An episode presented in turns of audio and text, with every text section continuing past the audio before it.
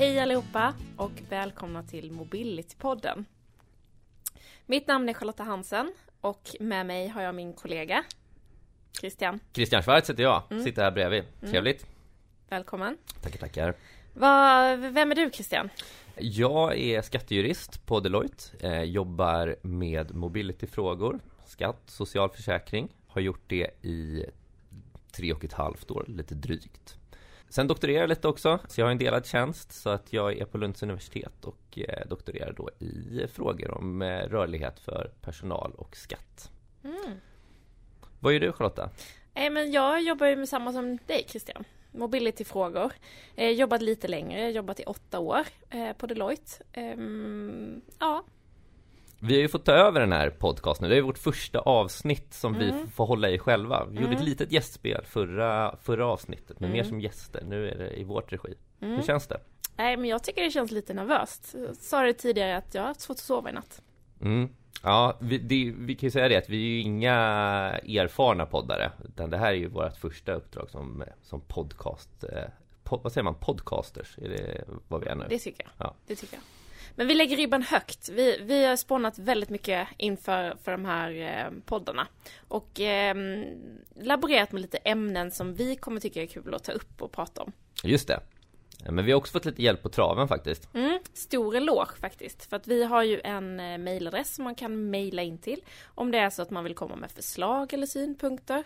Eh, vill du eh, outa adressen Christian? Ja, eh, vill man lämna ett förslag på en fråga eller ett ämne som vi ska diskutera i podden så kan man jättegärna mejla till mobilitypodden at deloitte.se Och det har vi då personer som har gjort. Mm.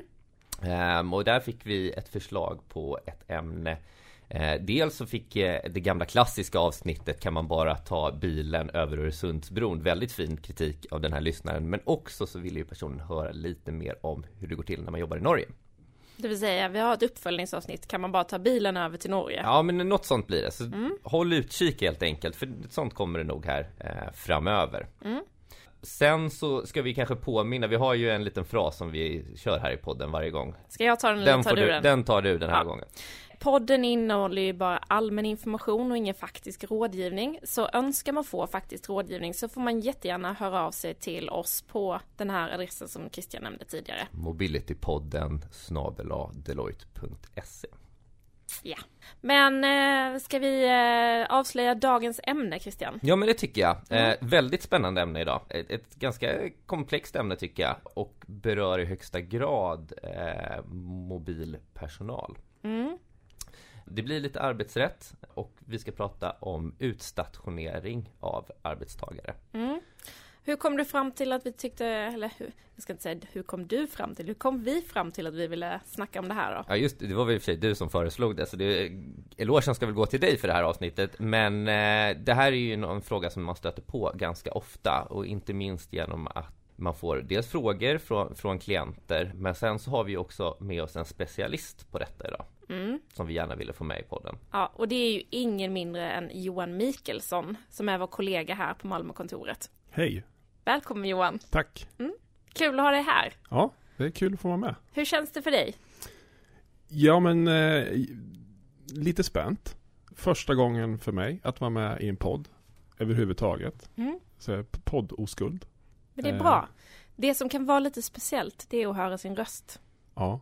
Ja, jo, det är det. Absolut. Och sen att veta att massa personer ska lyssna på det här och, och komma med synpunkter på om man har en konstig röst eller om man säger dumma saker. Det kommer gå bra Johan. Ja, det tror jag också.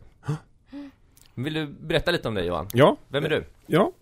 Till skillnad från de flesta juristerna på Deloitte så sysslar ju inte jag så mycket med skatt. Utan eh, mitt eh, primära område är ju arbetsrätt.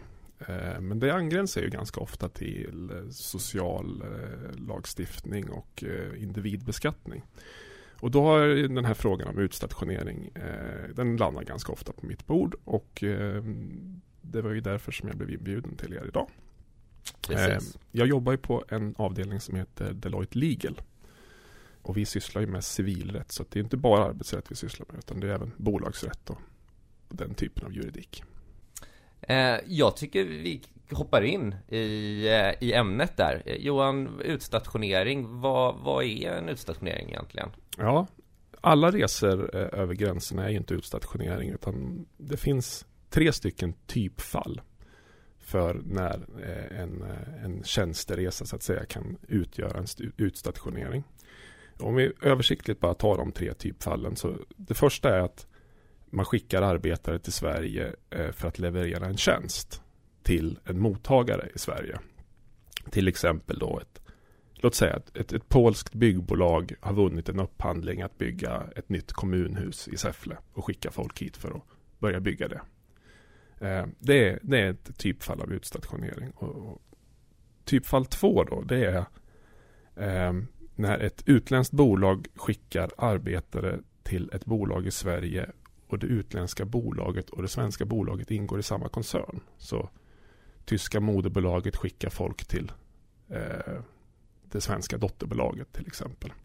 Det kan handla om ja, tysk biltillverkare som skickar sina toppsäljare till Sverige för att lära svenskarna hur man ska marknadsföra tyska bilar till exempel. Mm. Och med de här två typfallen som jag tagit nu, där har vi täckt in 95 procent av alla utstationeringar skulle jag säga. Men det finns ett tredje typfall också och det är det så kallade bemanningsexemplet. Alltså låt säga att ett, ett franskt bemanningsföretag skickar eh, folk till Sverige till ett svenskt användarföretag där ja, som helt enkelt har köpt bemanningstjänster då från, från Frankrike. Och det är också en, en ett typfall av utstationering. Mm. Så där har man de, de eh, tre typfallen som kvalificerar för en formell utstationering. Då. Och detta, nu, säger, nu talar du från det svenska perspektivet men lika väl kan man kanske vända på det och säga att när svenska bolag skickar ut eller utstationerar sin personal så kan det ju finnas ja, regler i andra länder som de behöver beakta. Mm, mm. De här reglerna är, är ju grundade på ett EU-direktiv. Mm. Så, inom e, så länge vi rör oss inom EU så ska ju lagstiftningarna i de respektive länderna vara i princip harmoniserade. Skickar vi folk utanför EU då, då får man eh, vara lite mer varsam mm. vilka regler man har att följa. Men vad får det här för effekter då?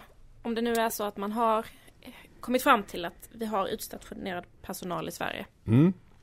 Det får ju effekter på så sätt att om det är en formell utstationering då blir den svenska utstationeringslagen tillämplig. Och det innebär att de utstationerade arbetstagarna de får vissa minimirättigheter i förhållande till sin utländska arbetsgivare. Så oavsett vilka rättigheter de har i sitt hemland enligt sitt, sin, sin hemmanations eh, lagar och regler så säger svensk lag, då, utstationeringslagen, att vi ser till att ni så länge ni är utstationerade har de här minimirättigheterna i förhållande till er utländska arbetsgivare. Och det är viktigt att komma ihåg, det är inte i förhållande till den svenska mottagaren, värdföretaget, eh, utan det är alltså i förhållande till eh, det utländska bolaget. Och det, det handlar ju om lagar och regler, till exempel inom semesterlagen, föräldraledighetslagen, där blir i vissa delar tillämplig. Det blir ett förbud mot diskriminering arbetstidslagen blir tillämplig på de här utstationerade arbetstagarna och även arbetsmiljölagen. Och särskilt vad gäller arbetsmiljö så kan man ju också påpeka att där finns det ett delat ansvar mellan den svenska värden, värdbolaget och den utländska arbetsgivaren. Arbetsmiljön blir, äh, arbetsmiljöansvaret där blir delat. Så att, äh, de är ju trots allt oftast på plats. De har fötterna på marken hos den svenska världen och den har då ett ansvar för de personer som är verksamma på den arbetsplatsen. Mm. Finns det någon, eh, någon gräns i tid hur länge man kan vara utstationerad innan det blir något annat eh, arbetsrättsligt? Ja, det gör det, men det är väl inte riktigt klarlagt var den går. Och det där är dock någonting som kommer att ändras eh, inom eh, en ganska så snar framtid. För det har ju kommit ett nytt ändringsdirektiv det kan vi prata mer om senare kanske. Men, mm. Mm. men om man då som utländsk arbetsgivare eh, har utstationerad personal till Sverige. Vad, vad, vad gäller, vad ska den arbetsgivaren se till att göra för mm. att vara compliant som vi säger? Ja, precis. Utöver då den första effekten av att någonting är en utstationering, det är den här hårda kärnan, de här minimirättigheterna som arbetstagarna får. En annan effekt eh, och konsekvens av att någonting är en utstationering. Det är att den utländska arbetsgivaren har en skyldighet att registrera utstationeringen hos det svenska arbetsmiljöverket. Och det är ju en väldigt viktig del som är relativt nypåkommen ändå. Eh, e EU-direktivet om utstationering kom ju 96 men registreringsskyldigheten kom ju långt senare. Eh, men att den utländska arbetsgivaren måste registrera vem det är som har skickats och var den personen håller till geografiskt i Sverige. Det är ju en, en tydlig effekt av att någonting klassas som utstationering. Vad händer om man inte gör detta då?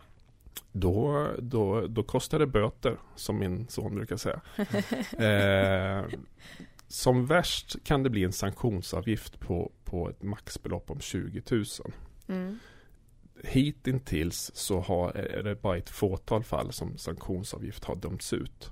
För det är inte så att man går från svart till vitt, att det, sanktionsavgift smälls på direkt, annat än om det eh, finns särskilt försvårande omständigheter.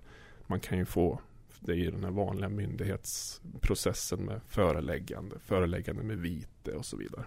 Innan man så småningom kommer upp på sanktionsavgift. Mm. Jag tänker, vi, ofta kommer vi in och vi pratar om tjänsteresor. Men en utstationering och en tjänsteresa, finns, vad, är det någon skillnad där mellan begreppen? Ja, Tjänsteresa finns ju inte definierat någonstans i, i den arbetsrättsliga lagstiftningen. Jag vet inte riktigt hur det förhåller sig med skatterättslig lagstiftning. Men, men in, inom arbetsrätten så finns det ingen definition av en tjänsteresa. Det finns ju tydliga definitioner av utstationering. Eh, men lite grann som vi var inne på tidigare, pratade om typfallen, så skulle man kunna då eh, förenkla och säga, men vad, vad finns det för exempel när man skickar folk över gränsen och det inte är utstationering då? Mm. Mm. Och då skulle man ju till exempel kunna eh, se att om, du skickar, om, om det tyska bolaget skickar folk till Sverige som ska gå på en kurs här eller delta i en konferens här. Det är inte en utstationering men det skulle säkert kunna betraktas som en tjänsteresa. Mm. Samma sak om, om det utländska bolaget skickar folk till Sverige för att eh, marknadsföra det utländska bolagets produkter eller tjänster och ja, träffa kunder på säljmöten och sådana här saker utan att det finns en etablerad relation. Det är ju inte heller en utstationering men det kan ju säkert vara en tjänsteresa. Men är det inte väldigt svårt, det låter lite som det finns en gråzon här, att som utländsk arbetsgivare faktiskt göra bedömningen om en registrering behöver ske eller inte? Mm. Jo, absolut. Det är inte alldeles glasklart.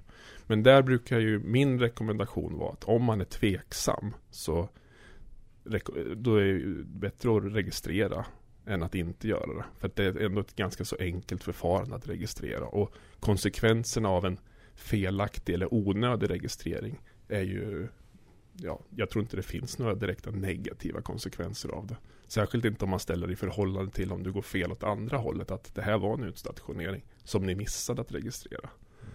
Men om man väl då har gjort en registrering hos Arbetsmiljöverket, vad, vad, vad har Arbetsmiljöverket för tillgång till att kontrollera själva utstationeringen och se till att man faktiskt uppfyller de här minimikraven? Är det mycket som den till exempel utländska arbetsgivaren måste se till är uppfyllt för att så fort man registrerar sig så finns det också en risk att man måste visa att man uppfyller de här kraven? Mm.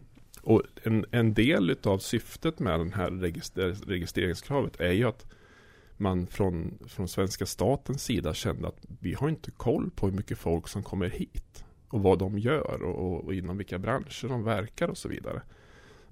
så att registrerings, registreringskravet eh, är ju en följd av att man vill skapa kontroll kan man ju säga. Men dessutom så är det ju så att det här registret är ju sökbart även för, ja, för dig och mig. Och för facken.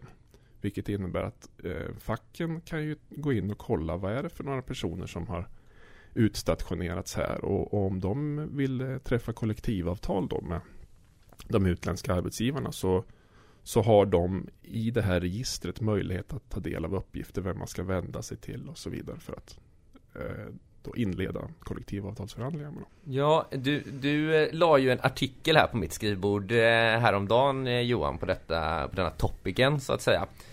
Där står det lite om just utstationering och vilka länder personer som är utstationerade i Sverige kommer ifrån. Och jag får lite uppfattningen av den här artikeln att det är i princip bara folk inom byggbranschen från Östeuropa som är utstationerade till Sverige. Mm.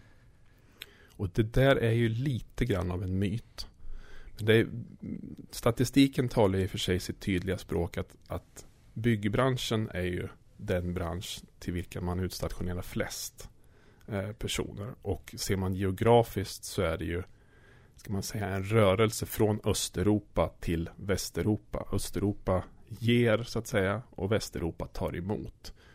Men det är lite för långt att gå och säga att ja, det, är, det är bara rörmokare från Polen som utstationeras. För att det är ju väldigt många andra branscher som också är så att säga mottagare utav utstationerad personal. Och det är inte bara så att det är från Östeuropa.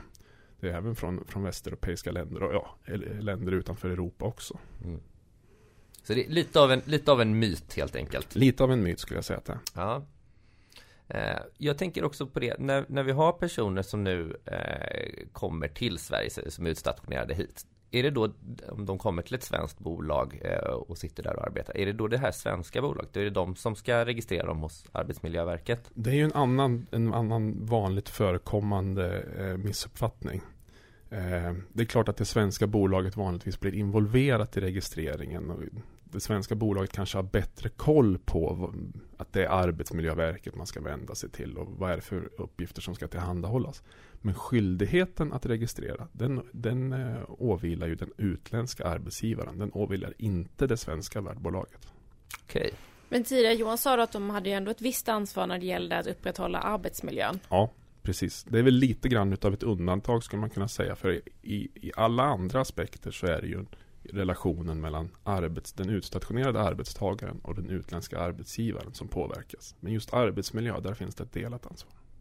Det känns inte som ett helt lätt eh, regelverk. Nej, precis. Eh, men det är ju därför vi konsulter finns och gör vårt bästa för att förklara det på ett pedagogiskt sätt. Ja, det tycker jag du gör bra. Tack. Eh, om man tänker sig, vi, vi pratar om eh, att man måste få samma villkor som eh, man hade haft om man hade jobbat i Sverige och så vidare. Jag tänker kollektivavtal och så, spelar det här in någonting när, vi, när det kommer upp sådana här frågor kring utstationering? Ja, eh, alltså kollektivavtalet är ju nästan ett, ett helt kapitel för sig i förhållande till utstationering. Vi har ju en lång historia med den här Lex Laval och de här, allt, allting som har lett upp till det och förändrad lagstiftning och så vidare. Men om, i korthet så kan man ju säga att eh, de svenska fackförbunden har ju ett intresse av att träffa kollektivavtal med de utländska arbetsgivarna för att säkerställa att de utstationerade arbetstagarna verkligen får eh, de rättigheter som, som facken anser att de ska ha. Och eh, det har ju facken fått en, en, de har ju fått under årens lopp förbättrade möjligheter att träffa de här avtalen. Och, och det blir även tydligare vilka krav får ställas. Vilka åtgärder får vidtas, alltså stridsåtgärder om det är så att man inte kommer överens och så vidare. Men det blir nästan lite svårt att gå in på, på, i detaljnivå här. För då kommer jag sitta och prata i 30 minuter om bara, bara lex Laval och, och kollektivavtal och, och fackens fackens och näringslivets olika synpunkter. Det kanske blir ett helt eget avsnitt det kan det, det, kan det bli. Det kan det bli. Men kommer detta ofta som en eh, överraskning för utländska arbetsgivare? Jag kan tänka mig att det är en typisk svensk eh, sak det här med fackliga rörelsen. Ja. Eh, man skulle väl kunna säga att medvetenheten från utländska arbetsgivare är ju ganska så låg om vilka krav som ställs på dem. Till exempel, det är inte, det är inte alldeles självklart att de känner till den här eh, registreringsskyldigheten till exempel. Då än mindre svenska fackförbundens roll eh, och hur den svenska arbetsmarknaden är upplagd där vi till, stor, till mycket större delen i övriga Europa har överlåtit till arbetsmarknadens parter att, att komma överens istället för att eh, då staten går in och lagstiftar. Vi har ju inga lagar om minimilön och sådana här till, saker till exempel. Det kan man ju återfinna i andra, andra länder i Europa. Vad, vad, och vad händer nu då Johan? Eh, för du pratade om att det var ett nytt direktiv eh, som var på gång eller på väg i vart fall. Ja, det är ju för, för en en eh, gråtråkig jurist som, som mig så är det där rätt spännande.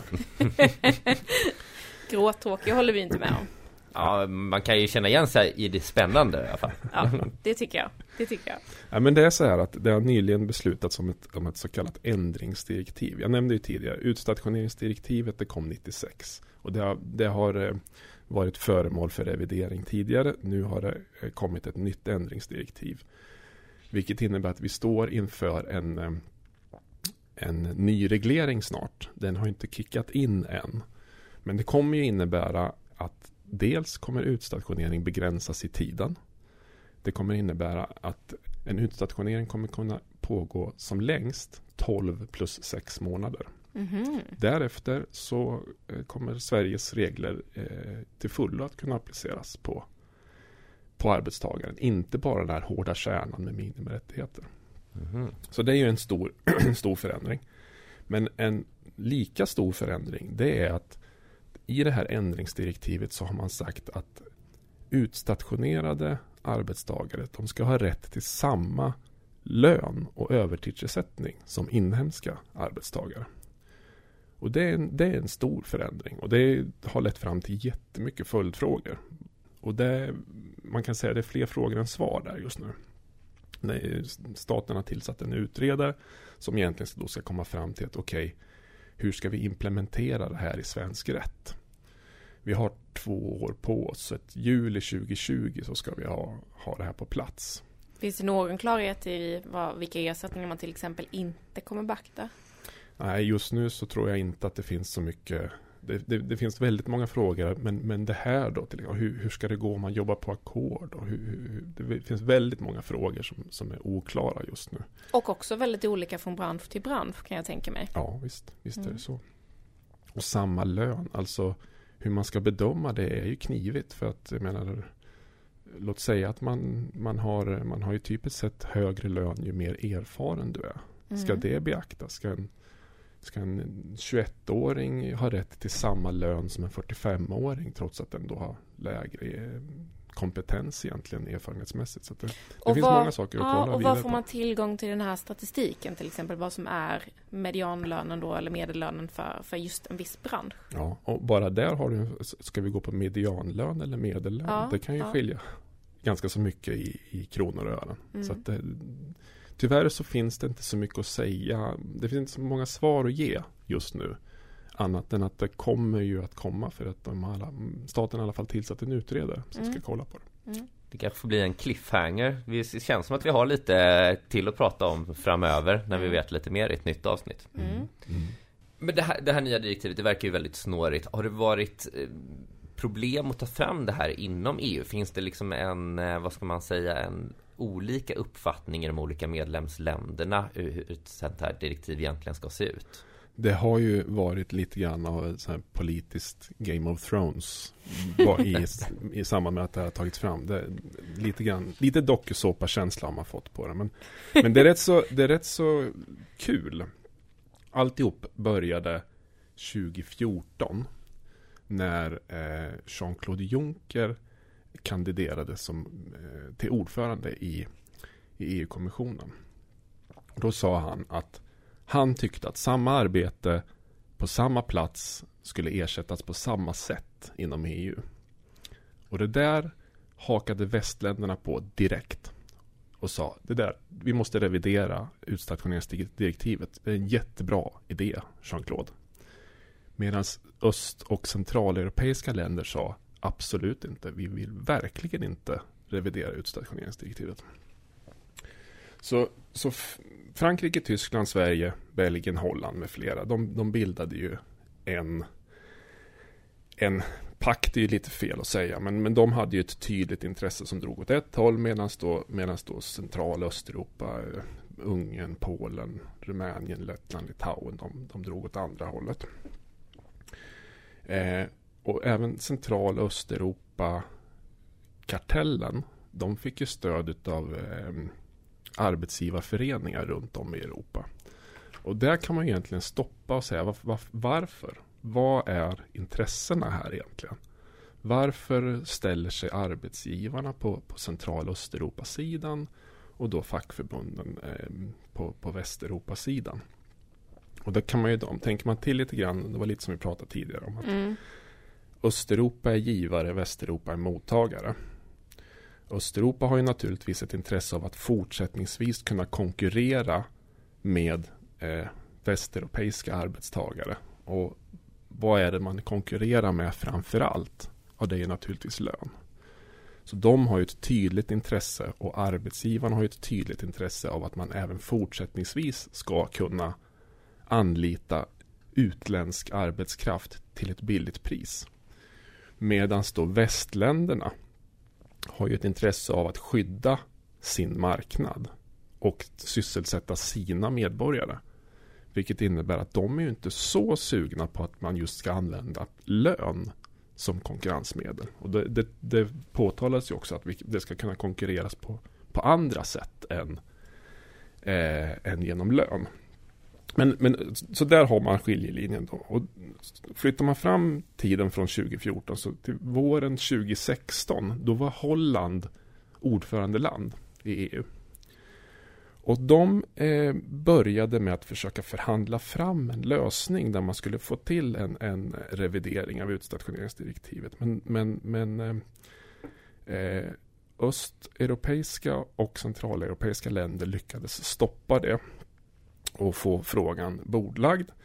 Sen bytte man ordförandeland, tog Slovenien över. Och vart ligger Slovenien? Ja, den ligger på den andra sidan linjen. Så när Slovenien hade ordförandeskapet då så eh, la, eh, lades en kompromiss fram som var mycket, mycket tydligt Öst och Centraleuropa-vänlig. Sköts ju ner av västländerna såklart, det accepterar ju inte de.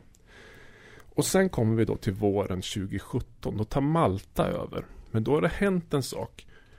För att då har Emmanuel Macron blivit vald till president i Frankrike. Och, Macron står inför ett parlamentsval i Frankrike.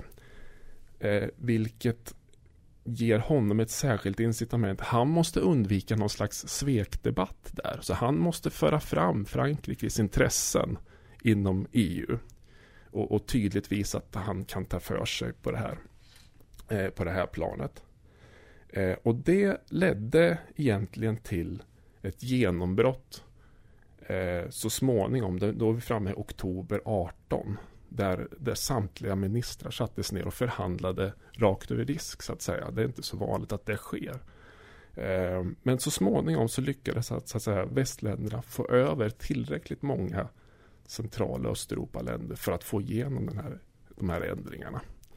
Och är, man brukar säga att det är Macron som har drivit igenom det här att en utstationering ska kunna pågå i max 12 månader plus en, en um, sex månaders förlängning. Tidigare så var budet att den skulle kunna pågå max 24 månader. Men det brukar man tillskriva honom att han lyckades få ner då.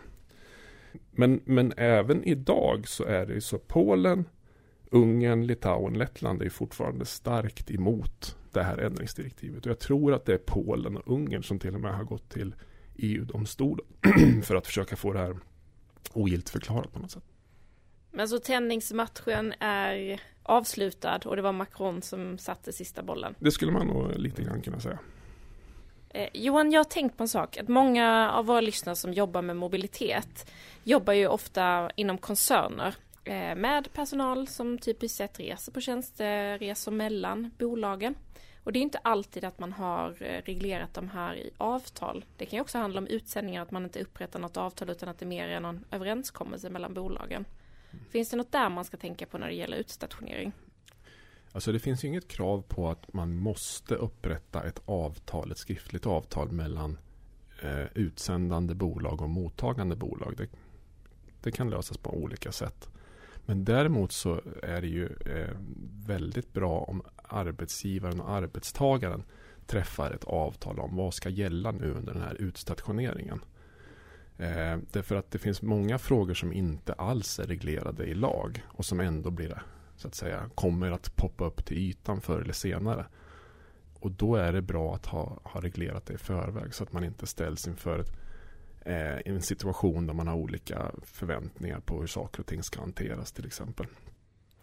Om man tänker sig att man har en anställd som ska bli utstationerad och jobba i Sverige under längre tid, kanske ett assignment eller, eller liknande, eh, och man registrerar den här hos Arbetsmiljöverket utan egentligen att analysera avtalet i sig som den anställde då har med det utländska bolaget. Vad är det för risker där? Ser du några Ja, som du säger, det är ju egentligen bara aktuellt om du ska vara utstationerad en längre tid. Men om du är i Sverige en vecka eller två veckor så är det ju inte, det är för kort Nej. för egentligen Men vi Eh, tänker så- två år kan Ja, vi säga. precis. Eller ett och ett Då- halvt år. Då dyker det upp frågor som, som är viktiga att reglera. Alltså redan, man kan ju dela in det i, i utstationeringens olika faser. När personen ska sticka iväg. Vems, vilka förmåner ska, person, eh, ska personen kunna ta del av? Alltså ska, det- ska det ingå eh, fri bostad? Hur ska det vara med bil? Eh, den typen av frågor bör ju regleras. Man bör ju även reglera eh, hur, hur ska utstationeringen kunna avbrytas? Ska arbetsgivaren ha rätt att kalla hem personen och med hur kort varsel ska det kunna ske? Eh, och även när vi har nått den här tvåårsgränsen, om vi då säger att det skulle vara i två år. Hur ska det gå till när personen kommer hem? Eh, för särskilt när en utstationering är på väg att avslutas så är min erfarenhet att det finns ofta olika intressen från arbetsgivaren kontra arbetstagaren. Hur det ska gå till, vilka konsekvenser det ska få och så vidare. Och det, är egentligen inte, det handlar egentligen inte så mycket om att komma upp med komplicerad, komplicerade juridiska formuleringar. Utan det handlar om att man ska adressera de här olika frågorna. Vad, hur ska vi hantera det? Vad är förväntningarna egentligen? Istället för att hantera det när du står inför fullbordat faktum och utstationeringen ska ta slut så är det mycket, mycket bättre vunnet och mycket vunnet för alla parter att man har tänkt igenom det på förhand. Mm. Det är ju egentligen en, en, en sån här grundläggande avtalsrättslig regel generellt att man ska försöka komma upp med scenarier som kan inträffa i förväg och, och eh, tänka till på hur man ska reglera dem. Där ser jag framför mig att man skulle behöva ha någon typ av checklista som man egentligen tillhandahåller den utländska arbetsgivaren bara för att checka igenom att det avtalet som finns med den anställda den, den upprätthåller de här minimireglerna i den hårda kärnan så att säga. Mm. Att man har rätt till semester på samma sätt som svenska personer har. Mm. Och Vi i Sverige har väl ganska, ganska eh, generös semesterlagstiftning, har vi ja, inte det? Visst, visst är det så. Eh, Vi har faktiskt tagit fram en checklista just som ska utgöra ett, en form av diskussionsunderlag för arbetsgivaren och arbetstagaren när Mm. man ska bocka av ett visst antal punkter och, och diskutera igenom och eventuellt också reglera upp dem i ett särskilt avtal. Mm. Så eh, det finns all anledning att, att lägga vikt vid avtalsrelationen arbetsgivare-arbetstagare. Bra. Mycket info Mm. och eh, känner att vi, jag har i alla fall lärt mig väldigt mycket Mm. idag. Har du någonting som du vill eh, säga mer om detta Johan? Eh, några takeaways tänker du då? Ja, men kanske att vi, tre takeaways, har du det? Tre takeaways då. Om jag ska ta dem eh, top of mind så skulle jag väl säga att om ni tvekar huruvida någonting utgör utstationering eller inte så registrera det hos Arbetsmiljöverket. Och kom ihåg att det är det utländska bolaget som har skyldigheten att göra det. Så when in doubt, registrera. Exakt. Mm. Kom ihåg att eh, även det svenska bolaget har ett arbetsmiljöansvar. Så man kan inte låta de utstationerade arbetstagarna eh, så att säga lämnas vind för våg. I mångt och mycket så är det den utländska arbetsgivaren som, som har ansvar i förhållande till utstationering. Men, men det finns även eh, förpliktelser för det svenska bolaget. Till exempel vad det gäller arbetsmiljö. Mm. Och det sista då, ja men det skulle väl vara det vi pratade om senast här. Att, att eh, kolla avtalen. Om det handlar om en lite längre utstationering. Glöm inte att reglera upp de vanligast förekommande punkterna. Eh, som typiskt sett poppar upp under en utstationering. Att det, det styrs upp i ett avtal mellan arbetsgivaren och arbetstagaren. För där kan man undvika mycket problem. Mm. Stort tack Johan för att du har kommit hit och berättat för oss om det här med utstationering och arbetsrätt. Tack själv. Ja, det var väldigt kul. Känns det bättre nu efter, efter att du genomfört det här? Ja, eh, man börjar se ljuset i tunneln. Ja, det är härligt. Vad känner du Christian? Nej, jag känner fantastiskt bra Mm. insats av Johan. Mm. Nu eh, återkommer väl, eller det ankommer väl på dig och mig att fila på nya ämnen och så för nästkommande poddar. Ja men precis, vi är ju sugna på att komma med en Brexit special här. Nu börjar det ju dra ihop sig så att säga. Ja. Eh, vi får väl se. Eh, nästa avsnitt kanske en Brexit special. Ja. Och glöm inte att om ni vill tipsa oss om ämnen som ni gärna vill lyssna på så får ni väldigt gärna höra av er till Mobilitypodden snabel-a deloitte.se Tack för oss. Tack!